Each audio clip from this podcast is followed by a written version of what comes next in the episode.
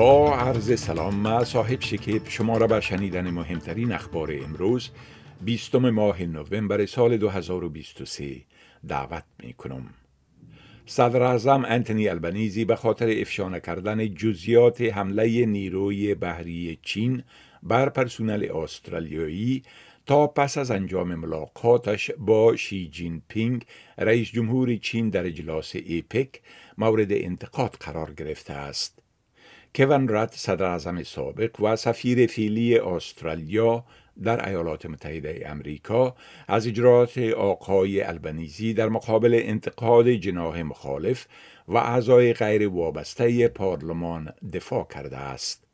او می گوید که ریچارد مارلز وزیر دفاع اعتراضات استرالیا را با وضاحت کامل به مقامات چینایی بیان کرده است.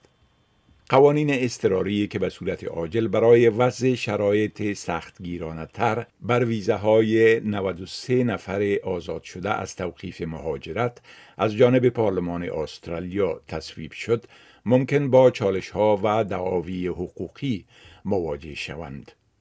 جورج ویلیامز متخصص قانون اساسی می گوید که این قانون در مورد بستن وسیله نظارت بر بند پای آزاد شده ها و تحمیل مجازات حبس بر اشخاص تخطی کننده از ایجابات شدید گزارشدهی که هفته گذشته تصویب شد ممکن است خارج از محدوده صلاحیت های حکومت باشد.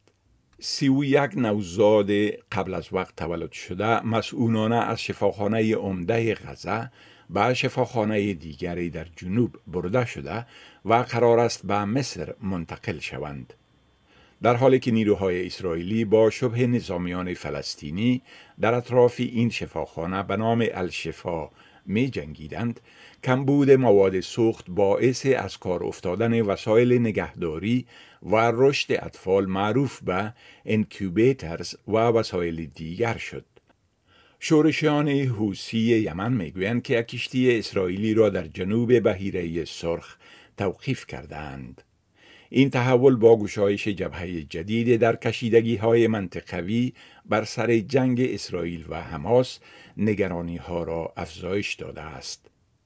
دفتر بنیامین نتانیاهو صدر اعظم اسرائیل توقیف یک کشتی را که اکنون به نام گالکسی لیدر کشتی باربری ملکیت یک میلیاردر اسرائیلی شناسایی شده تایید کرده است اما تاکید می کند که این کشتی هیچ رابطه با اسرائیل ندارد و حامل هیچ خدمه اسرائیلی نمی باشد.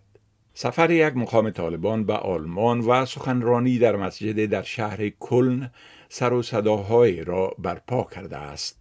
حکومت آلمان گفته است که اعضای طالبان در آلمان جا ندارند و تحقیقات را در مورد سفر این مقام ارشد حکومت طالبان به نام عبدالباری عمر رئیس اداره دوا و غذای حکومت طالبان به آن کشور راه اندازی کرده است. عبدالباری عمر روز جمعه در یک مرکز اسلامی در شهر کلن آلمان که تحت اداره اتحادیه مسلمانان ترک قرار دارد واکنش های زیادی را در اروپا برانگیخته است. کلمات رمزی یا پاسورد یک نفر از هر سه استرالیایی دزدی شده است اما تقریبا همین تعداد آنها از عین ها در چندین حساب کاربری استفاده می کنند. تحقیقات نهادهای گوگل استرالیا و یوگو بیش از 1500 بزرگسال استرالیایی را در مورد امنیت آنلاینشان مورد بررسی قرار داده و معلوم شده که 36 فیصد آنها دزدی پاسوردشان را تجربه کرده اند و 34 فیصدشان از عین پاسورد یا پاسوردهای مشابه در چندین حساب اینترنتی استفاده می کنند. این بود خلاصه از مهمترین اخبار از برنامه دری اس آدیو. شما می توانید گزارش های بیشتر درباره موضوعات گوناگون را در وبسایت ما به آدرس sbs.com.au دری بشنوید و بخوانید.